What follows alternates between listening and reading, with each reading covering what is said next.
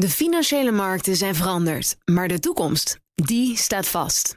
We zijn in transitie naar een klimaatneutrale economie. Dit biedt een van de grootste investeringskansen van onze generatie. Een kans voor u om mee te groeien met de pioniers van morgen. Meer weten? Ga naar carbonequity.com. Carbon Equity. Do good by investing better. De column van Marianne Zwagerman. Niemand bij Nieuwsuur had het boek gelezen. Op basis waarvan Rian van Rijbroek live op tv onzin mocht komen uitkramen over cyberveiligheid en DDoS-aanvallen. Tijdsdruk was het verweer van de hoofdredacteur. En hij voegde eraan toe, ze was eerder al bij BNR.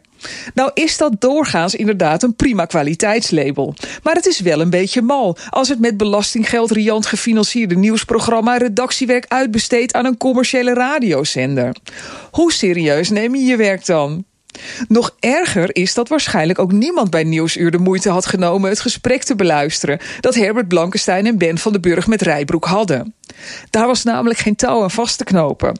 We hebben grote moeite haar te volgen, twitterde Blankenstein bij de link naar de podcast. Het boek van Rijbroek bleek ook nog eens vol te staan met jatwerk uit kranten. En daarmee was de cirkel rond. De meesterhacker en de nieuwsuurredacteuren leiden allemaal aan een ziekte die zich als een epidemie heeft verspreid in de journalistiek. Overtikisme.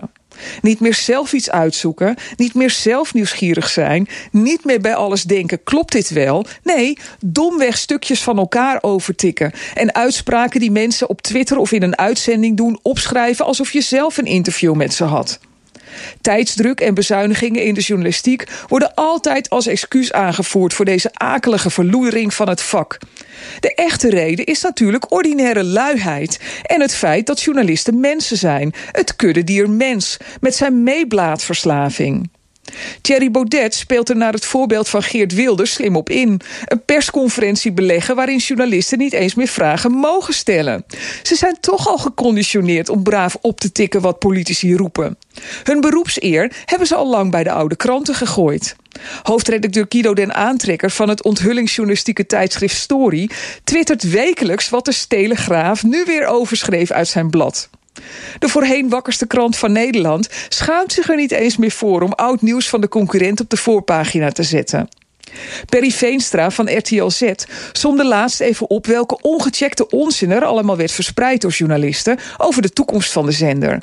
Niemand belde de bron, zelfs het vakblad voor journalisten niet. Ze tikten elkaar allemaal over. Zo wordt overtikisme een dodelijke ziekte. De financiële markten zijn veranderd, maar de toekomst, die staat vast. We zijn in transitie naar een klimaatneutrale economie. Dit biedt een van de grootste investeringskansen van onze generatie. Een kans voor u om mee te groeien met de klimaatoplossingen van morgen. Meer weten? Ga naar carbonequity.com. Carbon Equity. Do good by investing better.